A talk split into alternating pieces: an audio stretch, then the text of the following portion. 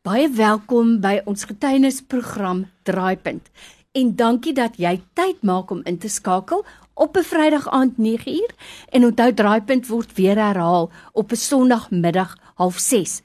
As jy 'n getuienis het, moenie nalat om dit met ons te deel nie. Stuur net vir my SMS met die woord Draaipunt na 32716. Dit kos vir jou R1 of 'n Telegram of 'n WhatsApp na 0824104104. Dan bel ek jou en ons neem jou getuienis op. Onthou As ek jou nog nie gebel het nie, stuur maar weer vir my daai boodskap want ek bel elke week mense dan s' hulle nie beskikbaar nie of ek kan nie eers 'n boodskap laat nie, so bel my asseblief weer. Ons het al so baie gehoor van restituisie. Jy moet gaan regmaak waar jy verkeerd gemaak het en ek dink die genesing na 'n trauma is soveel beter as daar 'n sluiting kan kom. Nou by my in die ateljee vandag het ek geen onbekende nie, Dominee Tertius Besuidnout en glo jy nou maar vir my. Hy is 'n biblioteek van getuienisse. So Dominee Tertius vir jou tyd vandag, dankie.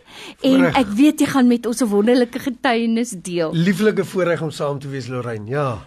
Nou, Dominee Tertius, ek weet in jou bediening en in jou persoonlike lewe het jy al soveel wonderwerke beleef en 'n mense se draaipunte gesien en daar's 'n paar wat vir jou uitstaan en vandag deel jy een so storie met ons. Waar begin dit? Jog Lorraine, so ek het nou probeer gaan sit presies wanneer dit was die datum, maar ek dink was in die jaar 2000. Ehm um, het ek een oggend in my stilte tyd na 'n uh, Hebreërs 13 gekyk en en hy begin met dink aan die gevangenes wie in die ge, self in die gevangenis is.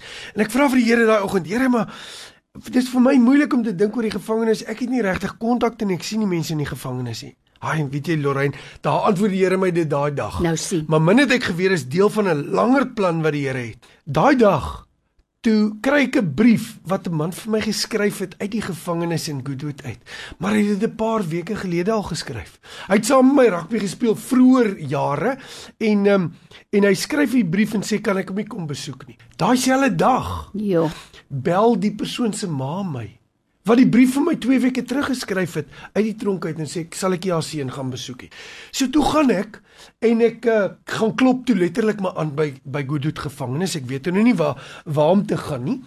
En uh, ek kon nou as predikant daarom by die pastorale afdeling uitkom. En ek ontmoet pastor uh, Jerome Samuels, lieflik baie van Ja, u ken hom. ja. Hy speel 'n baie prominente rol in in in die pastorale begeleiding van van gevangenes ook in ons in ons stad en in ons ek wil dink in die Wes-Kaap seker. Ehm um, en ek ontmoet hom en ek vra kan ek 'n afspraak maak uh, en hierdie man sien. En so begin ek 'n paadjie stap met die persoon wat oor 'n jaar geloop het. In dieselfde tyd Lorraine in die woonbuurt waar ek bly gebeur 'n grie aanval. 'n Vroutjie word aangeval deur die man wat in haar tuin werk. En al wat ons hoor, ek het haar nie geken nie. Ek het gehoor dit was 'n Engelse vrou en sy het iewers in ons woonbuurt gebly. Maar sy's 28 keer met die mes gesteek in die gesig. So dit is 'n skrikwekkende situasie. Hierdie man uh wat by haar in die tuin gewerk het, het haar aangeval. So dit is die scenario. In hierdie tyd is ek besig by Goodwood gevangenis en ek leer verhoudings daar ken en ek, ek stap 'n paadjie met die man. En op 'n dag, dis so seker 9 maande later, stap ek deur ons woonbuurt. Nou ek het die gewoonte om vroeg in die oggende te stap en sommer maar net te bid. En ek stap deur die woonbuurt en ek kom by 'n vrou wat buitekant in haar tuin is. Dis so vroeg vroegoggend. En sy roep my want sy weet ek is 'n kind van die Here. Sy roep my nader en sy sê: "Haai, ek is Kerry Swanepoel." Nou ek ken haar nie, sy's 'n Engelse vrou en uh, ons begin gesels en sy sê: "Ek moet vir jou ietsie deel." So so 9 maande gelede is ek aangeval en ek besef dis die vrou. Mm. En sy vertel haar storie. Die ingrypendste storie van hoe sy 'n man gehad het uh, wat by haar gewerk het. Dis 'n swart man gewees en hy was gereeld een keer 'n week daar en sy het hom so met lieflikheid hanteer. Sy was 'n lieflike kind van die Here. En op 'n dag toe hy by haar toe kom hy 'n bietjie vroeër aan en en sy was nog nie gereed om hom te ontvang nie. En toe sy vir hom sê nee, sy's nog nie gereed om hom te ontvang nie. Toe druk hy die deur oop en hy val haar aan en hy steek haar in die gesig. En ons het nie verstaan waarvoor dit gebeur het nie. En sy het dit nie verstaan nie en sy sê maar sy's nou op 'n plek wat sy glo die Here sê sy moet die saak verder neem. En ehm um, sy nooi my toe, kan ek die hele storie vertel. Sy sê dis 'n wonderwerk van wat met haar gesig gebeur het. Sy's 28 keer in die gesig gesteek. Nou jy kan nie dink dat jy 28 steke in jou gesig kan kry nie. Maar haar vel was omtrent heeltemal herstel. Dit het net gelyk soos iemand wat 'n bietjie akne gehad het toe sy mm. jonger was. En sy sê Een proses het gelei op een wonderwerk na ander een. Sy sê die eerste ding toe hulle ingeneem het, sy was baie bloed verloor. Dit was 'n sy kon net haar man laat weet sy is daar aangerand gelê en haar gesig was letterlik geskend. Uh hy het haar deurgejaag na die noodeenheid toe en daar was toevallige plastiese chirurg wow. aan diens. Die tweede wonderwerk wat gebeur het is soos in die chaos toe hulle alles probeer stabiliseer. Toe sê die plastiese chirurg Daar's een senuwee wat jou glimlag bepaal. Ek het nie geweet nie. Nee. Sy sê en dit was sy woorde. I happen to come across the nerve that control your your smile and it was unharmed. 28 steke in die well, gesig, maar hy well. het nie die senuwee afgesteek wat haar glimlag bepaal nie. So well. haar hele mond, se se balans was heeltemal reg.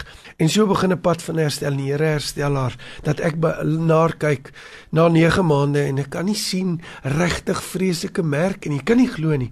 En sy sê sy moet by hierdie man uitkom. Sy naam is Jackson. Maar sy weet nie hoe om by hom uit te kom nie want sy wil vir hom sê dat sy vergewe hom en die Here wil sy lewe red en die Here wil hom vergewe. En ek sê maar kan kan ek help? Sy sê nee, sy weet nie. Maar sy het net gehoor hy's in Goodwood gevangenis. Oh, well. Ek sê maar dis wonderlik. Vir 9 maande het ek 'n verhouding met mense by Goodwood gevangenis en ek weet wie om te bel. Ek bel toe vir Pastor Jerome Samuels en sê, "Weet jy wat? Ek weet nie of dit gedoen kan word nie. Maar ek sit met hierdie vrou. Sy het hierdie getuienis en sy wil net vir die man wat dit aan haar gedoen het, sê sy vergewe hom, want Jesus het haar vergewe na 'n nuwe lewe gegee. En uh, sy wil vir hom vergifnis gee." En hy maak 'n afspraak, ek dink was die Woensdag wat ek gebel het, hy sê, "Kan jy Vrydag kom?"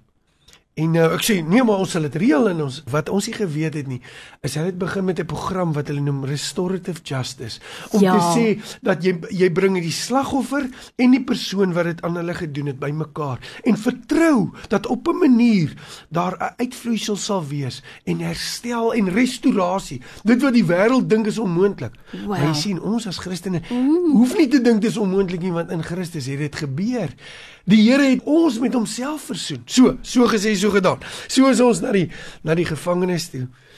En ek onthou die dag. Dit was ek en Pastor Samuels en hulle twee in een kantoortjie.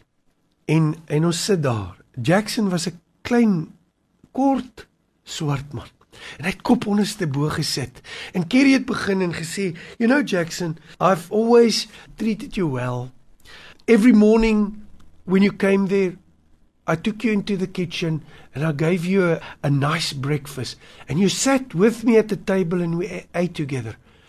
What happened that morning? En hy het kop onderste bo gestaan en het gesê uh, die woorde het hy almekaar gesê I don't know why I did it.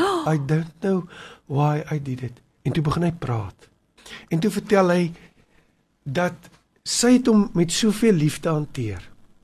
Sy het vir hom in, in na huis ingeneem as 'n tuinwerker en kos gegee in die kombuis saam met hom gesit. Dit het hom soos 'n mens laat voel, want hy sê voor dit het hy by mense gewerk in Bloubergstrand en die mense het vir hom in hulle tuin laat werk en hulle het vir hom in hulle honde se bakke kos gegee. Nee. Hulle die sy kos ook neergesit by die honde se kos. Jy kan nie glo dat mense dit aan 'n ander man kan doen nie. En hy sê wat daai oggend gebeur het, weet hy nie. Maar toe sy vir hom sê sy's nog nie gereed nie, die deur toemaak, toe sê hy toe snap iets in hom. En hy druk die deur oop en al die haat en aggressie wat hy teen die ander mense gehad het, mm. het hy op hierdie vrou uitgehaal wat niks aan hom gedoen het nie. Maar wie wat Lorraine, die wonderlike voorreg was. Ek kon sien hoe Kerry vir hom kyk en sê, "You know Jackson, I forgive you." because Jesus Christ has forgiven us. Want dit doen ons aan Jesus. Hy het aan ons niks gedoen nie. Mm. Verstaan God het mm. ons liefgehad en tog het ons hom weggestoot. Hy het vir ons gesterf toe ons nog vyande was. En wat daai dag gebeur het, sal ek nooit vergeet nie. Hy het begin huil en hy het gesê kan hy hierdie Jesus in sy lewe aanvaar. En terwyl ons daar saam was, het hy die knie gebuig. Deur die vergifnis wat hierdie vrou gewys het, het hy die knie gebuig en het Jesus aanvaar in sy lewe.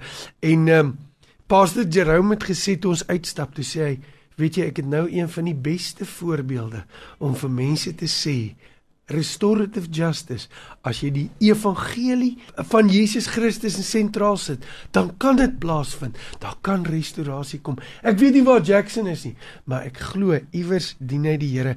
En ek lees 'n ding Lorraine ek wil net dit mee afsluit en sê ek lees oor 1 Tessalonisense 5 wat 5 wat sê hou vrede met mekaar.